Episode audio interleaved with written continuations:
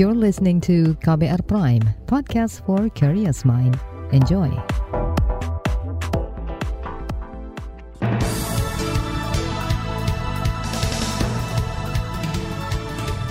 Selamat pagi saudara, senang sekali kami bisa menjumpai Anda kembali melalui program Buletin Pagi edisi Kamis 19 Mei 2022. Bersama saya Naomi Liandra. Sejumlah informasi pilihan telah kami siapkan di antaranya Apkasindo minta pemerintah lindungi 16 juta petani sawit imbas larangan ekspor CPO. 14 kasus hepatitis akut misterius ditemukan di Indonesia. Pegiat HAM Papua dikritik Pegiat HAM Papua kritik dakwaan tujuh pengibar bendera bintang kejora. Inilah Buletin Pagi selengkapnya. Terbaru di Buletin Pagi. Asosiasi Petani Kelapa Sawit Indonesia atau APKasindo meminta pemerintah melindungi 16 juta petani sawit yang terdampak kebijakan pelarangan ekspor CPO. Menurut Ketua Umum DPP APKasindo Gulat Menurung, saat ini petani kelapa sawit mengeluhkan turunnya harga tandan buah segar atau TBS sawit sebesar 70 persen. Ya kami rasa hanya satu kepentingan adalah bagaimana harga sawit kami kembali normal. Mau apa pun kata orang, petani sawit 16 juta butuh makan, itu biaya. Nah jadi urusan kepada pemerintah, tentu kita sebagai rakyat, warga negara meminta supaya pemerintah meninjau kembali atau membuat dengan formulasi lain peraturannya gitu ya. Ketua Umum DPP Apkasindo Gulat Manurung berharap pemerintah memberi subsidi tidak hanya untuk minyak goreng curah tetapi minyak goreng kemasan sederhana.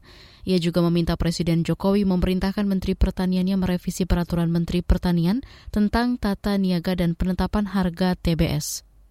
Saat ini harga TBS yang diatur dalam Permentan hanya untuk petani yang bermitra dengan perusahaan, bukan petani rakyat atau swadaya. Namun, pemerintah hanya mampu merespons permintaan terkait harga tandan buah segar yang diatur dalam Peraturan Menteri Pertanian Nomor 1 dan 3 terkait tata niaga dan penetapan harga TBS serta percepatan peremajaan sawit rakyat atau PSR. Respons itu disampaikan Kepala Staf Kepresidenan Muldoko di Jakarta kemarin. Tuntutan yang bisa segera kita action ya, yaitu tentang Permentan 01 dan Permentan 03. Minggu depan saya akan undang dari Kementan untuk bisa menyelesaikan ini, termasuk juga ada aturan dari BPD PKS yang menjadi kendala bagi teman-teman untuk melakukan pelaporan karena aplikasinya yang perlu diaktifkan kembali. Itu persoalan-persoalan teknis yang bisa kita selesaikan. Berikutnya tuntutan terhadap pemerintah untuk membuka ekspor kembali. Ini juga saya sedang menyiapkan rekomendasi kepada Pak Presiden atas usulan teman-teman. Itu tadi Kepala Staf Kepresidenan Muldoko. Dia juga merupakan Ketua Dewan Penasihat Asosiasi Petani Kelapa Sawit Indonesia atau APKasindo. Sebelumnya, Menteri Perdagangan Muhammad Lutfi mengklaim pemerintah fokus pada pendistribusian minyak goreng khususnya jenis curah dengan harga murah sebelum membuka peluang soal pembukaan ekspor crude palm oil atau CPO dan turunannya. Saat ini pemerintah tengah menjalankan program Migo Rakyat, yakni penyaluran minyak goreng curah dengan harga Rp14.000 per liter, yang menyasar masyarakat berpenghasilan rendah yang tersebar di dekat pasar tradisional. Fraksi Partai Keadilan Sejahtera FPKS mendesak pemerintah membantu petani dengan berbagai insentif. Dalam keterangan tertulisnya kepada KBR, anggota fraksi PKS DPR Nevi Zuarina menyebut hal itu dilakukan untuk menyelamatkan perekonomian petani kelapa sawit rakyat yang terdampak kebijakan larangan ekspor minyak sawit mentah dan seluruh turunannya itu. Insentif untuk petani sawit yang dimaksud lanjut Nevi, baik insentif di input, di proses atau outputnya, termasuk insentif harga dari tandan buah segar. Sebelumnya anggota komisi yang membidangi industri investasi dan persaingan usaha DPR, Andre Rosiade mengingatkan agar pemerintah memperhatikan nasib petani sawit. Tentu kita sudah ingatkan pemerintah untuk menjaga dan memastikan nasib petani. Bagaimana pesan nomor satu tahun 2018 secara konsisten dan bersungguh-sungguh dilakukan dan dilaksanakan oleh pemerintah. Itu tadi anggota komisi yang membidangi industri, investasi, dan persaingan usaha DPR, Andre Rosiade. Usai pemerintah melarang ekspor CPO dan turunannya, harga TBS di tingkat petani hanya sebesar rp hingga Rp2.000 per kilogram, dari harga sebelumnya yang mencapai sekitar Rp4.000 per kilogram. Sementara Lembaga Pemantau Ekonomi Indef menilai perlu ada penetapan harga pembelian tandan buah segar atau TBS untuk menolong petani sawit yang terdampak kebijakan larangan ekspor CPO dan turunannya. Menurut Direktur Indef Tauhid Ahmad, saat ini petani kelapa sawit mau tidak mau tertekan imbas kebijakan larangan ekspor crude palm oil atau CPO short termnya adalah menetapkan harga minimum floor price yang bisa dibeli oleh para pelaku usaha gitu. Tapi memang ada jaminan itu ditampung oleh para pelaku usaha terutama PKS. Masalahnya kan adalah daya tampung untuk CPO itu kan terbatas karena dia berputar. Nah ini yang tidak ada sehingga diperlukan tempat penampungan-penampungan yang luar biasa besar untuk menampung hasil produksi CPO dari petani. Direktur Indef Tauhid Ahmad mengatakan pemberian insentif kepada petani bisa menjadi salah satu solusi membantu petani bukan dengan bantuan sosial. Misalnya subsidi harga terhadap harga TBS yang diterima petani.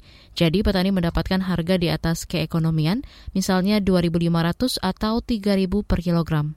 Sementara terkait kebijakan jangka panjang, Tauhid menilai larangan kebijakan ekspor perlu ditinjau ulang agar pengeluaran pemerintah dapat diminimalisir lewat skema ini. Saudara, rancangan peraturan Komisi Pemilihan Umum PKPU masih terganjal penentuan masa kampanye. Selengkapnya tetaplah di Buletin Pagi KBR. You're listening to KBR Pride, podcast for curious mind. Enjoy!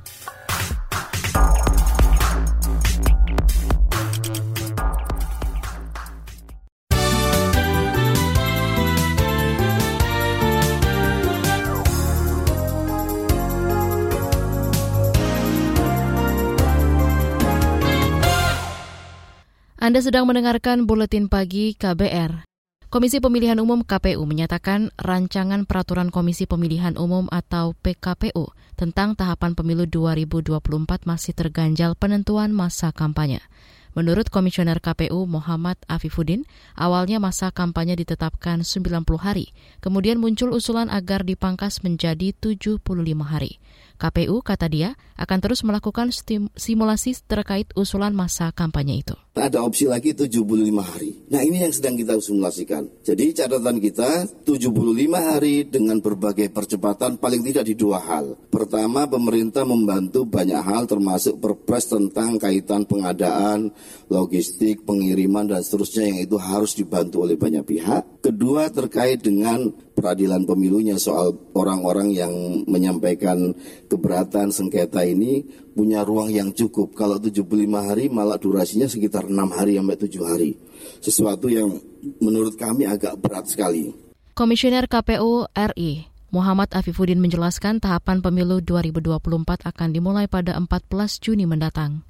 Di awal Agustus nanti, KPU mulai membuka pendaftaran partai politik peserta pemilu yang dilanjutkan dengan penetapan partai peserta pemilu akhir tahun ini.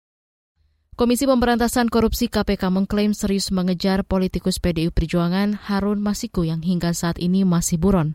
Harun Masiku merupakan buronan selama dua tahun. Ia menjadi tersangka dugaan suap penetapan anggota DPR melalui mekanisme pergantian antar waktu yang juga melibatkan bekas komisioner KPU Wahyu Setiawan.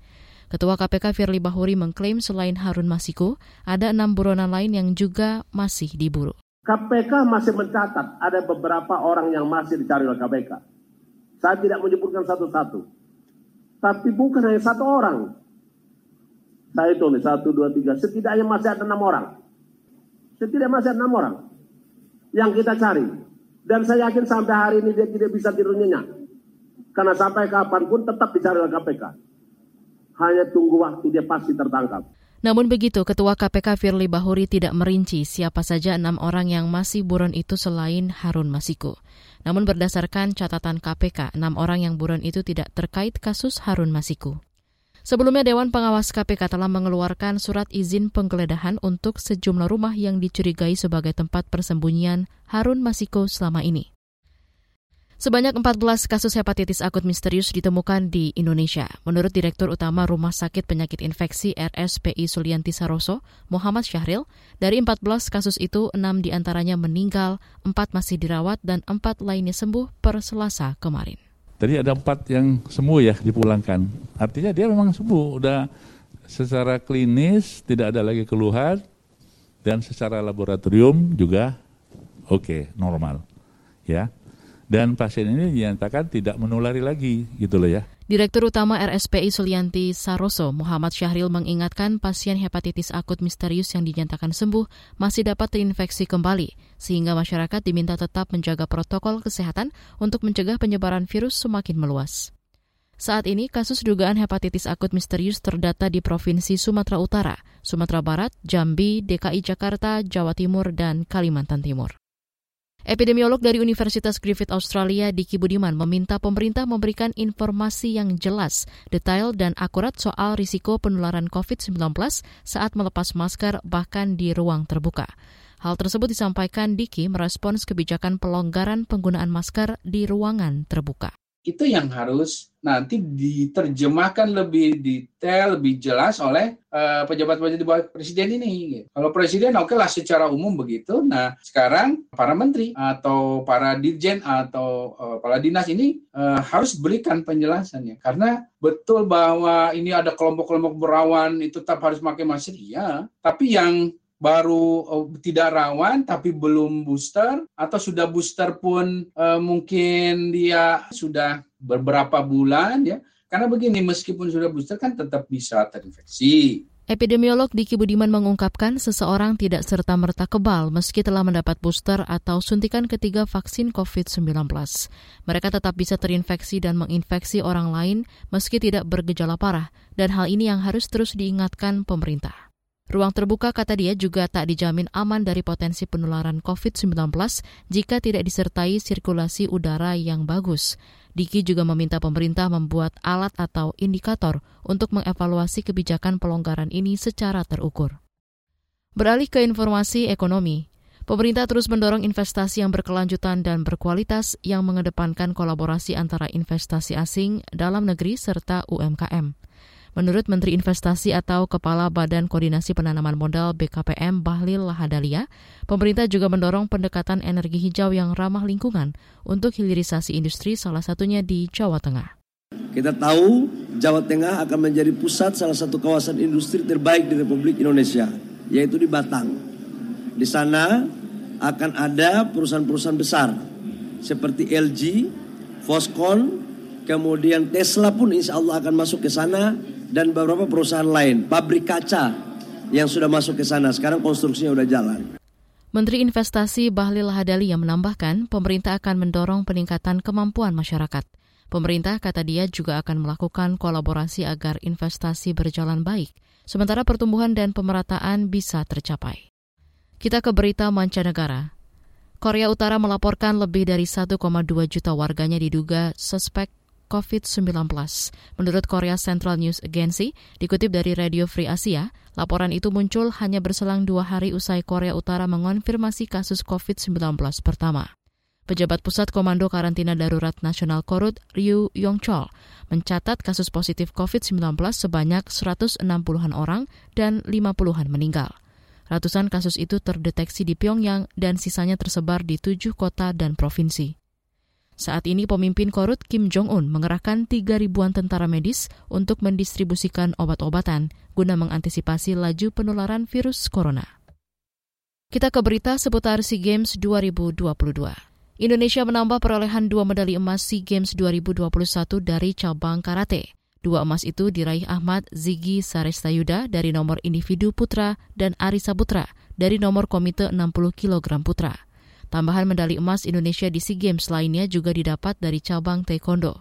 Muhammad Basam Raihan memberikan emas pertama bagi cabang taekwondo usai mengalahkan atlet Vietnam di kelas bantam 63 kg putra. Selain itu, tim panahan Indonesia juga berhasil memborong empat medali emas di ajang olahraga empat tahunan itu. Emas Indonesia itu datang dari nomor recurve beregu putra, beregu campuran, recurve perseorang putri, recurve perseorangan putra. Di bagian berikutnya kami hadirkan laporan khas KBR bertajuk Pelonggaran Pakai Masker dan Kepatuhan Prokes Masyarakat. Tetaplah di Buletin Pagi KBR. You're listening to KBR Pride, podcast for curious mind. Enjoy!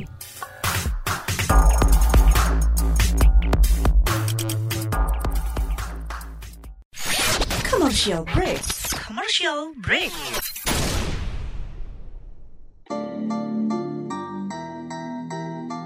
Come on yo Buat yang sukanya berhoax You better listen to this one. Check this one out yo. Hati-hati kalau baca kabar. Hoax. Jangan langsung disebar kabar yang Hoax. Kalau mau tahu kabar benar atau hoax, dengerin cek fakta yang pasti bukan hoax. Dengerinnya setiap Senin yang jelas bukan hoax. Cuma ada di kbrprime.id dan aplikasi podcast lainnya. Hoax. Sudah cukup-cukup hoaxnya? Hoax. Cukup. Jaga emosi, tahan jari, verifikasi sebelum dibagi. Saya Aribo Sasmito, Ketua Komite Pemeriksa Fakta Mafindo. KBR Prime, podcast for curious mind.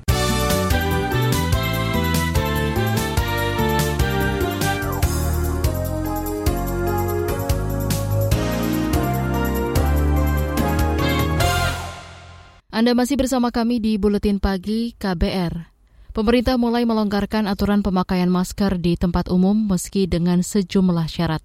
Kebijakan ini mempertimbangkan perkembangan pandemi COVID-19 yang diklaim telah terkendali. Namun data Satgas COVID-19 menunjukkan kepatuhan masyarakat menjalankan protokol kesehatan justru menurun. Simak laporan khas KBR yang disusun Astri Yuwanasari. Sejak bulan lalu, pemerintah mengeluarkan kebijakan pelonggaran aturan pembatasan sosial dengan alasan pandemi mulai terkendali. Pelonggaran antara lain dengan izin mudik lebaran, pelaku perjalanan tidak lagi wajib tes COVID-19 dan karantina, hingga terbaru masyarakat boleh lepas masker di tempat umum terbuka yang tidak padat orang. Menteri Kesehatan Budi Gunadi Sadikin mengatakan kebijakan pelonggaran ini membutuhkan keterlibatan dari masyarakat untuk tetap sadar dan bertanggung jawab dalam menjaga kesehatannya masing-masing. Sekarang masyarakat memegang peranan yang lebih besar untuk menentukan langkah-langkah atau protokol kesehatan apa yang harus dilakukan oleh dirinya sendiri untuk melindungi dirinya sendiri dan juga orang lain. Menteri Kesehatan Budi Gunadi Sadikin mengatakan pelonggaran demi pelonggaran yang dilakukan pemerintah merupakan salah satu bagian dari masa transisi yang disiapkan secara bertahap menuju fase endemi bahwa salah satu hal yang paling penting untuk bisa melakukan transisi dari pandemi ke endemi, selain data-data saintifiknya adalah pemahaman masyarakat bahwa tanggung jawab kesehatan itu ada di diri masing-masing. Jadi sekuat apa pun negara mencoba mengatur masyarakatnya untuk berperilaku hidup sehat, tetap yang paling baik adalah kesadaran untuk berperilaku hidup sehat itu ada di masing-masing individu. Sebelumnya, pemerintah juga melonggarkan aturan mudik lebaran yang selama dua tahun dilarang karena pandemi. Akhir Maret lalu, Presiden Joko Widodo mengizinkan warga untuk mudik lebaran. Namun, Jokowi memberi syarat mudik karena pandemi COVID-19 belum berakhir. Bagi masyarakat yang ingin melakukan mudik lebaran juga dipersilahkan, juga diperbolehkan dengan syarat sudah mendapatkan dua kali vaksin dan satu kali booster, serta tetap menerapkan protokol kesehatan yang ketat. Sayangnya masih banyak masyarakat yang tidak patuh menjalankan protokol kesehatan. Data dari Satuan Tugas Penanganan COVID-19 menunjukkan tingkat kepatuhan masyarakat dalam menjalankan protokol kesehatan menurun selama libur puasa dan lebaran. Juru bicara Satgas Penanganan COVID-19 Wiku Adhisa Smito mengatakan, dari data pemantauan protokol kesehatan, terjadi peningkatan jumlah orang yang dipantau dan ditegur di tempat wisata. Jumlahnya mencapai dua kali lipat dari hari biasa. Selain itu juga terjadi penurunan kepatuhan masyarakat untuk menjalankan protokol kesehatan di restoran dan tempat makan ataupun di permukiman. Angka kepatuhan selama pelaksanaan cuti bersama dari 27 provinsi terpantau diketahui masih terdapat 49,5 persen masyarakat tidak patuh memakai masker pada area restoran atau kedai, sedangkan pada area pemukiman sebanyak 22,1 persen masyarakat yang tidak patuh. Di sisi lain, Wiku mengatakan mobilitas masyarakat keluar rumah saat libur lebaran meningkat jika dibandingkan pada lebaran tahun lalu, yakni lebih dari 44 persen. Peningkatan mobilitas ini berpotensi meningkatkan kasus penularan COVID-19. Wiku mengingatkan masyarakat untuk tetap menjaga protokol kesehatan agar terhindar dari dampak buruk COVID-19. Saya menghimbau kepada masyarakat untuk terus menerapkan protokol kesehatan seperti memakai masker, menjaga jarak yang relatif aman, dan mencuci tangan masih sangat diperlukan pasca lebaran ini untuk meminimalisir efek pingpong penularan COVID-19. Ahli epidemiologi dari Universitas Indonesia Tri Yunis Miko Wahyono mengatakan masyarakat mulai abai dengan pelaksanaan protokol kesehatan saat libur lebaran dengan adanya berbagai pelonggaran. Protokol kesehatannya ya ada abai ada lupa pada gelombang kedua yang banyak kematiannya dan juga banyak rumah sakit penuh. Mungkin dari gelombang ketiga tidak banyak kemati. Walaupun kasusnya lebih banyak mungkin orang-orang lebih berani begitu. Triunis Miko Wahyono memperkirakan ada potensi terjadinya gelombang keempat COVID-19 meski tidak setinggi gelombang kedua ataupun ketiga. Menurutnya, saat ini testing dan tracing yang dilakukan jauh menurun dibanding sebelumnya kalau tidak diwajibkan ke pergi ke mana-mana, tidak wajib, kemudian eh, orang-orang sudah tidak peduli, ya, kalau batuk-batuk ringan ya udahlah nggak periksa apa pun begitu. Jadi kalau dulu kan eh, batuk-batuk juga atau panas sedikit aja udah periksa antigen lah, PCR lah begitu. Nah sekarang orang sudah tidak peduli dengan pengalaman gelombang ketiga begitu. Demikian laporan khas KBR, saya Astri Yuwanasari. Informasi dari berbagai daerah akan hadir usai jeda. Tetaplah bersama Buletin Pagi KBR. You're listening to KBR Pride, podcast for curious mind. Enjoy!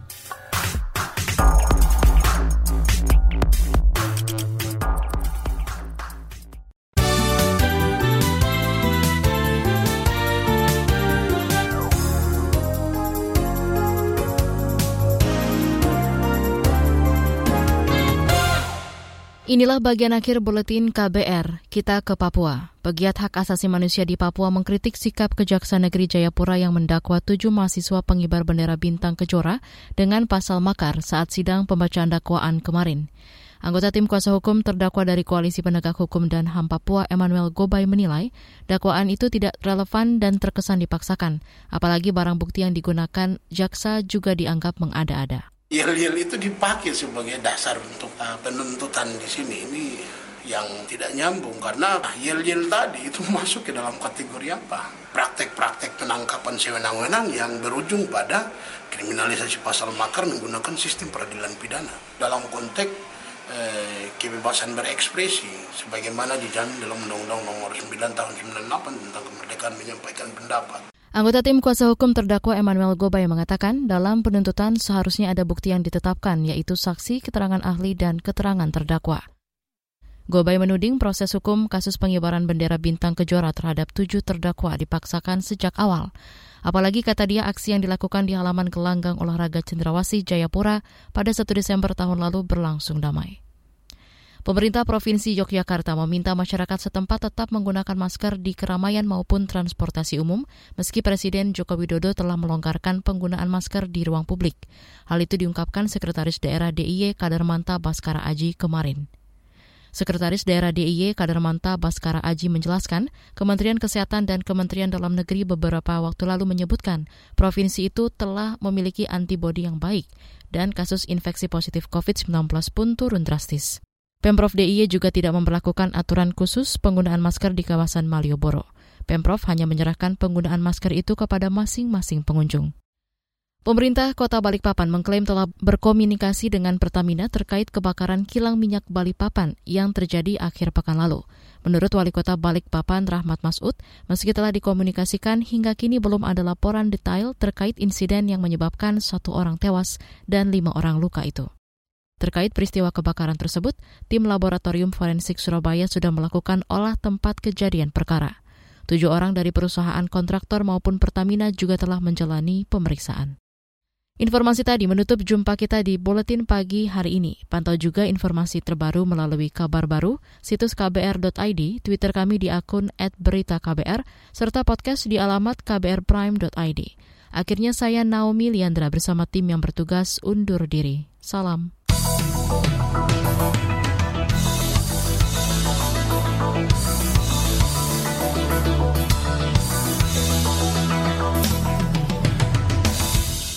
KBR Prime, cara asik mendengar berita. KBR Prime, podcast for curious mind.